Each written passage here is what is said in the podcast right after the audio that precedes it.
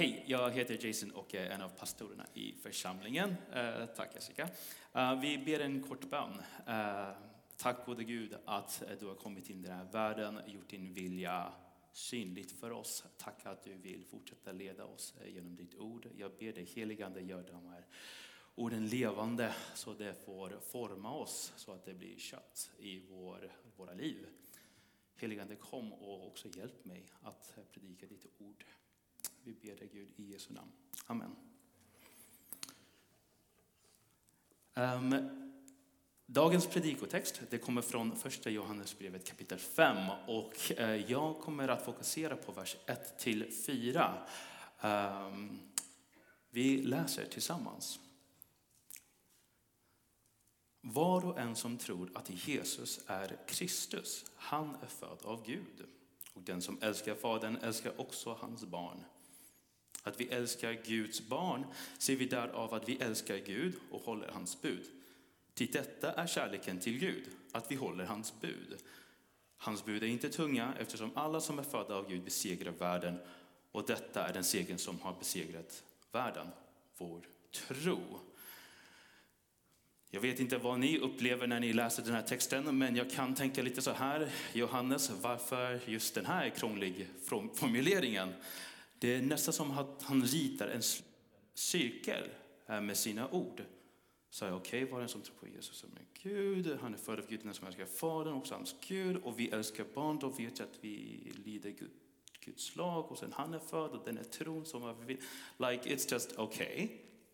Och jag tror anledningen till varför Johannes gör det här är för att han vill hålla ihop tron, pånyttfödelse, kärleken till Gud och kärleken till tros, trossyskon i det här sammanhanget, lydnad till Gud och segern över världen.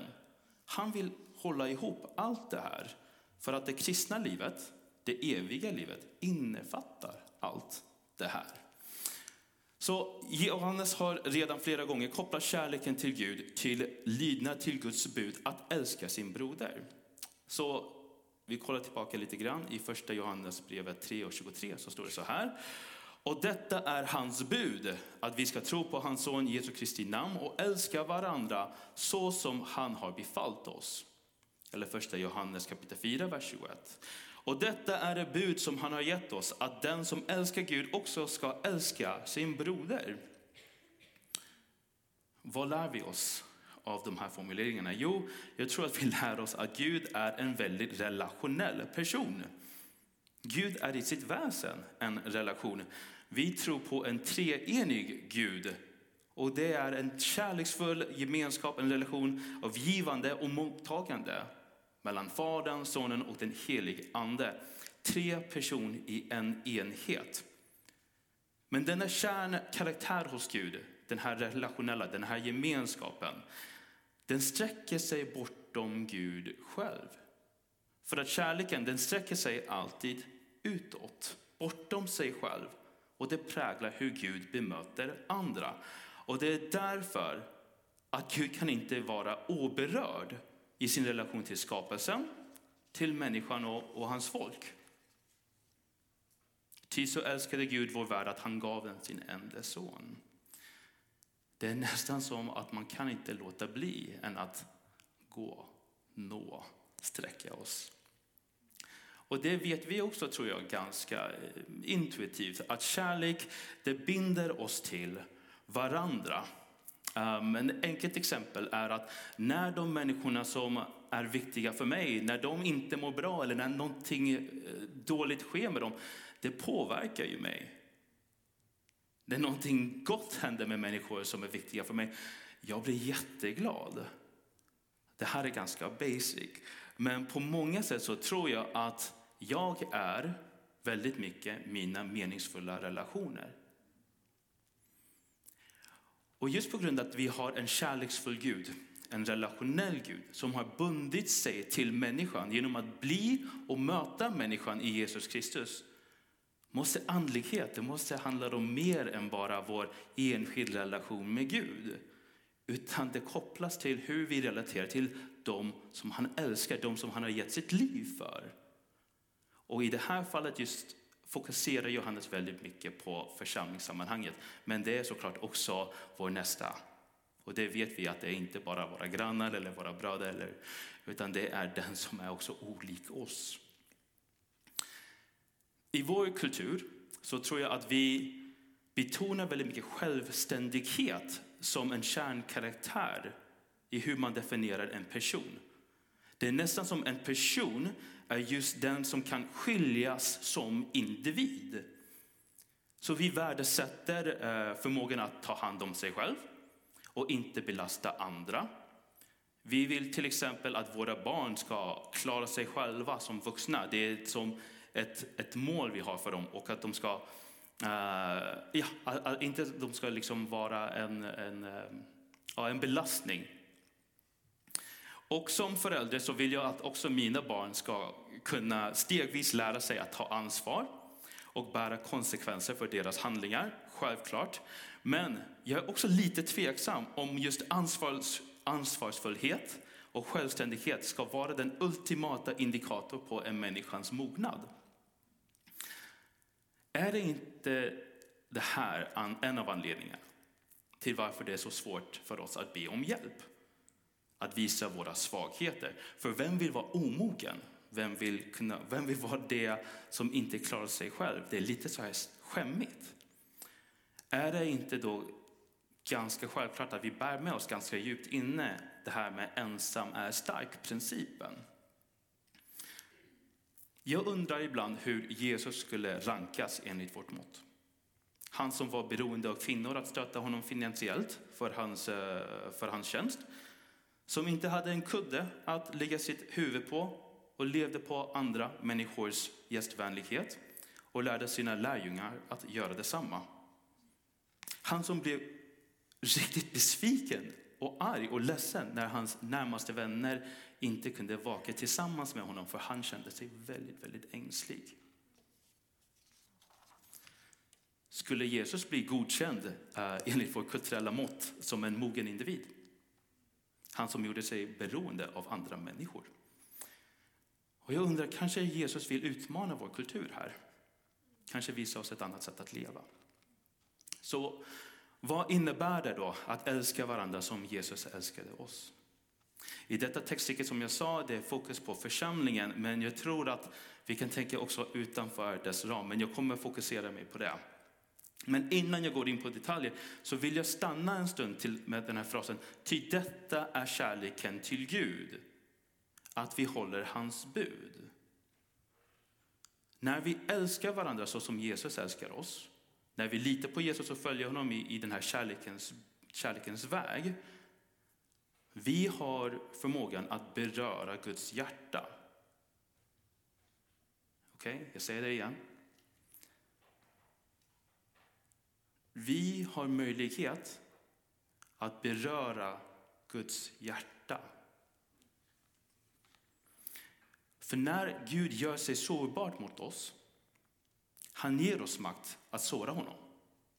Right? Det tillhör sårbarheten. Men han ger oss också möjlighet att beröra, att älska honom. Och det är det som han faktiskt öppnar upp till. Så jag vill att det här ska vara någonting som en, en grunddrivkraft i det jag predikar. Det handlar inte om att vara duktig, det handlar inte om att vara en god kristen, det handlar inte om dittan och dattan. Det handlar om att här finns en möjlighet att faktiskt beröra Guds hjärta.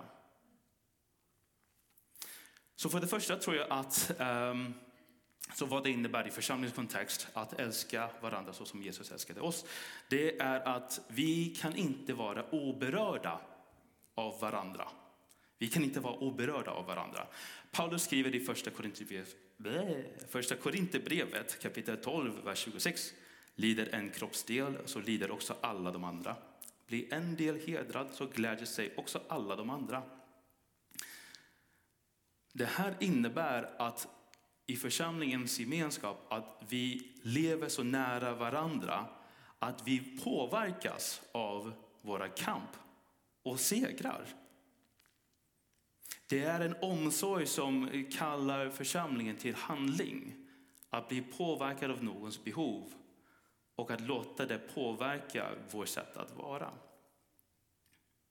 Det är en, det är en kallelse för församlingen till handling och närvaro. Samtidigt så, så visar det en scenario när man har väldigt djupa relationer med varandra. Där man investerar i varandra. Så när vi ser att den andra personen växer, när den andra personen blir hedrad, så växer en glädje i oss. För vi har älskat den personen. Båda scenarion, om det är omsorg, om det är glädje, det innebär att det finns i bakgrunden en stor investering av tid, energi och närvaro. Konkret exempel, hemgruppen som slutar sig över en sorg hos medlemmar. Eller någon som blir sjuk så omsluter hela församlingen i en omsorg om den personen. Eller en, något lite närliggande exempel från vår församling är när vi hade den här fantastiska Astrid-musikalen. Eh, och hur liksom, de vuxna ställer upp och liksom tjänar. Men också, liksom, jag kunde se vissa av de här vuxna, de har följt vissa av de här barnen som vi såg på scen där. Och de hade investerat i relationen, de har uppmuntrat dem. Så när de får se dem skapa någonting så fantastiskt tillsammans, man ser en sån glädje och en stolthet när de kollar eller när de tjänar i bakgrunden. Och det får man inte gratis. Det kräver investering av tid, energi och närvaro. För det andra, att älska som Jesus innebär att församlingen inte handlar om vad vi kan få ut av det. Vi är vana att tänka utifrån förmåner och vad vi kan få ut av saker. Det, det hör till lite grann vår kultur. Men i Jesu efterföljelse och i församlingslivet så är vi kallade att tjäna. Vi har en mästare som band ett handduk runt medjan, gick ner på knäna och började liksom tvätta skiten mellan tårna på sina lärjungar. Och om det inte vore obekvämt och awkward nog så säger han, och ni ska göra detsamma. Det innebär att våra resurser, tid, energi, talanger, det används inte för att hylla oss själva. Där församlingen är på något sätt kanske en publik eller, eh, eller någon så här, de som ska liksom lyfta upp mig. Utan vi använder dem för att bygga upp andra. Och det här det blir en jättestark kontrast till det som vi ser kanske det mesta området i livet där det handlar om att se efter sitt eget intresse. Och när man gör det, när man lever livet efter sitt eget intresse, det finns en stor frestelse att, att man använder andra människor, alltså sina relationer för sin egen vinning.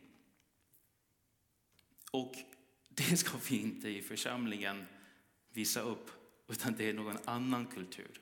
Det är den här upp och ner kulturen som församlingen ska få stå för. Um, jag har en bekännelse här.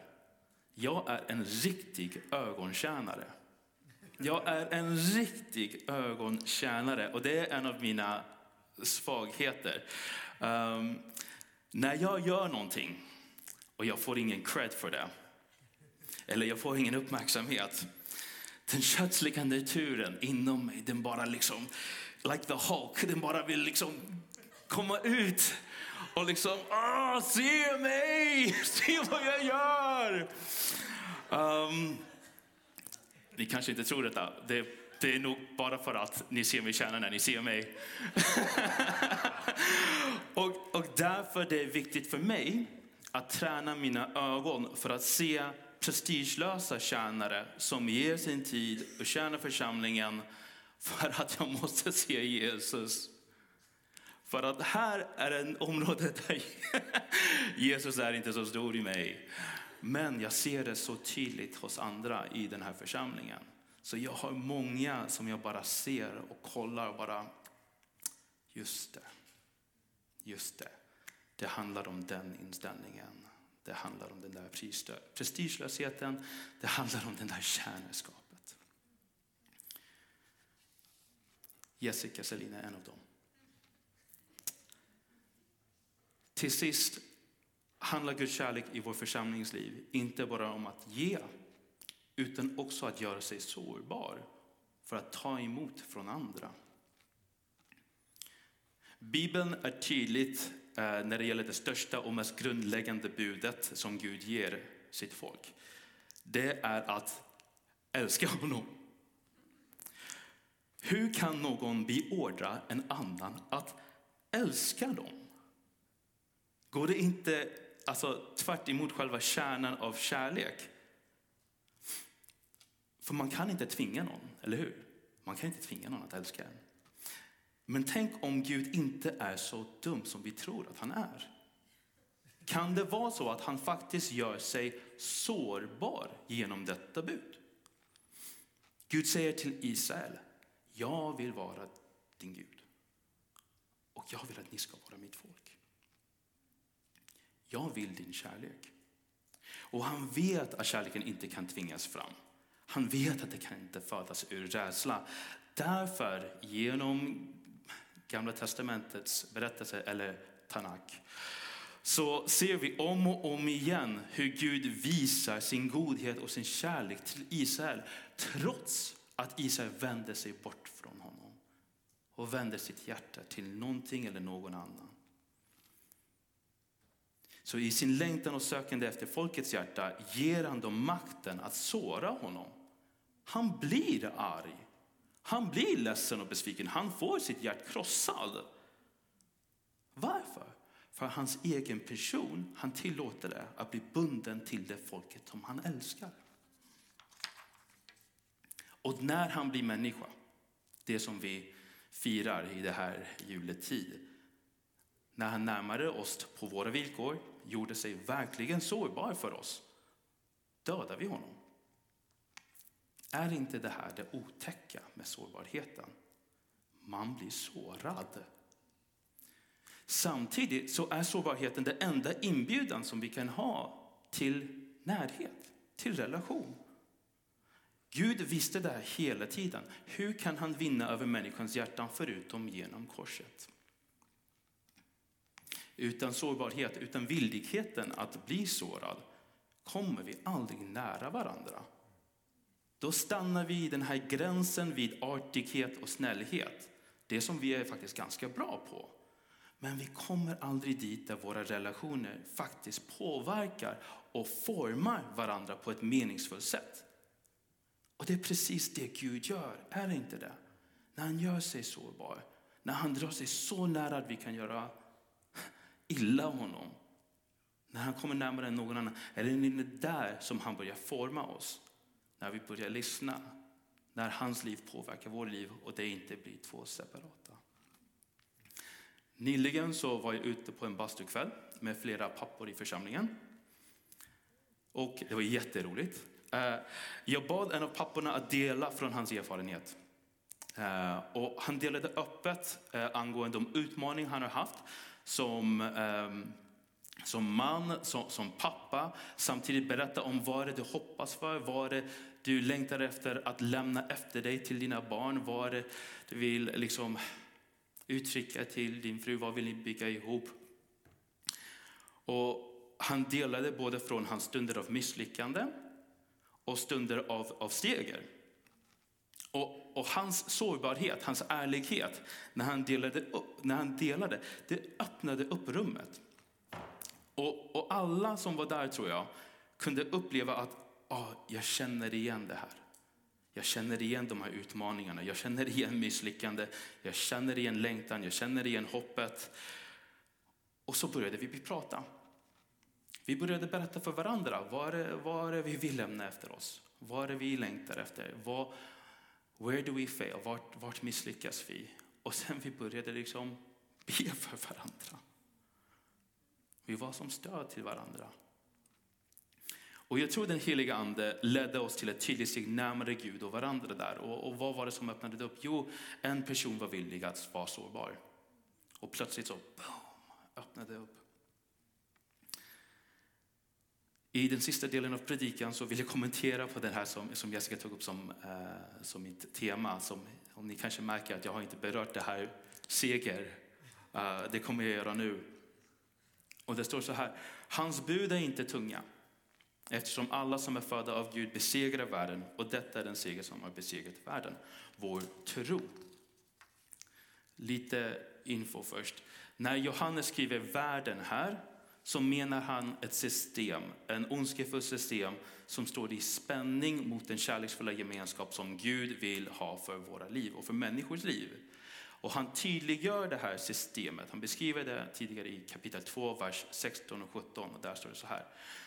Till det som finns i världen, vad kroppen begär, vad ögonen åtrår, vad högfärden skryter med, det kommer inte från Fadern utan från världen. Världen förgår med sina lockelser, men den som gör Guds vilja består för evigt. Så världens frestelser, det som Satan använder, det som är hans bag of tricks. Det handlar om att dra människan in till lust, själviskhet och stolthet. Det är det som liksom han vill dra oss in i. Och i det här så börjar vi utnyttja andra människor. Det är en oundviklig konsekvens av det här att om man går in i det här då kommer vi utnyttja andra människor och relationer mellan människor kommer brytas ner. Och som jag har berättat hittills att de här värderingarna står tvärt emot Guds kärlek som handlar om självutgivande tjänst till andra, ödmjukhet och närhet till andra.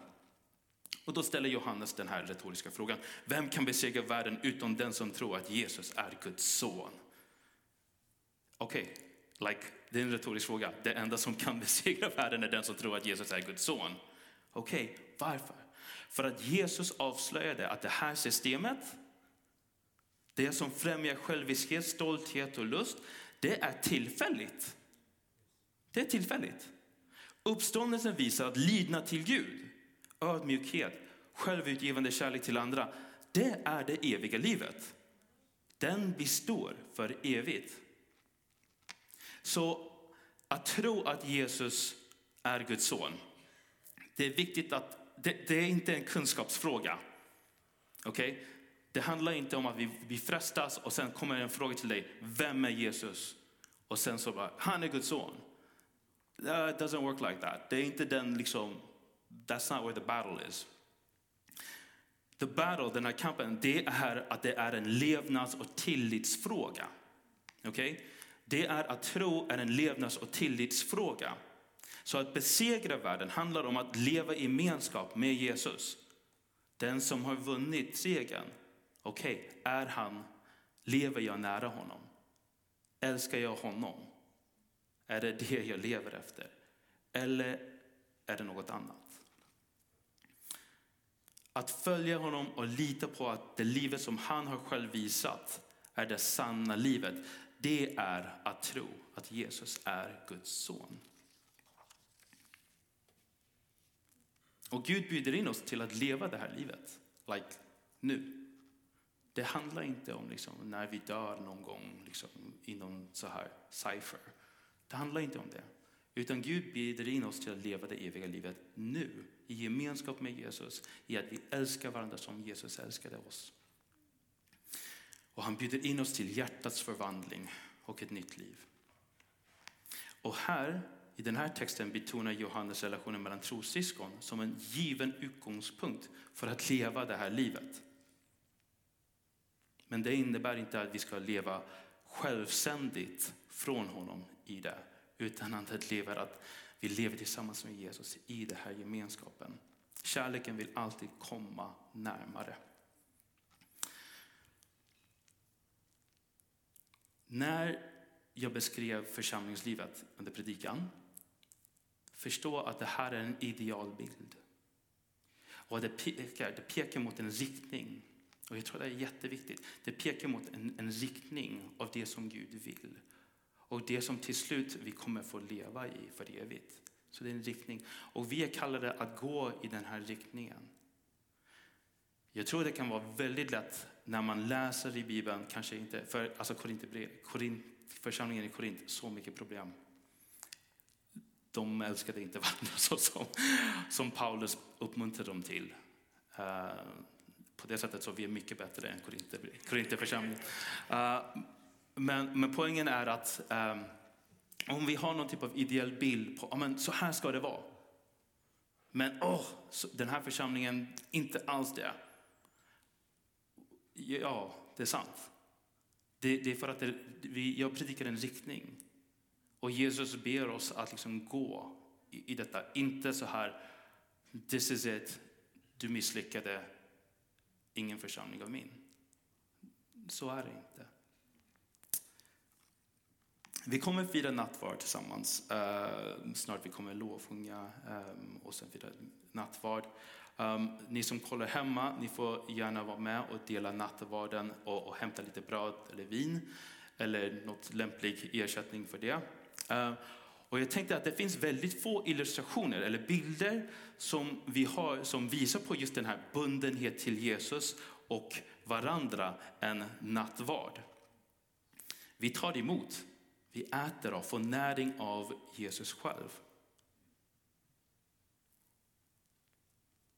Vi får ta del av hans uppoffrande kärlek, hans kropp som offras för oss i brödet, hans liv given för oss i vinet.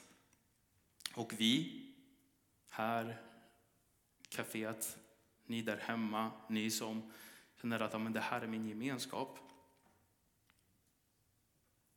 Vi får också bekänna vår tillhörighet till varandra. Och den här riktningen att ja, men vi ska dra närmare varandra. Vi ska älska varandra. Att vi är fastän många en enda kropp. Till alla får vi del av ett och samma bröd, står det i Bibeln.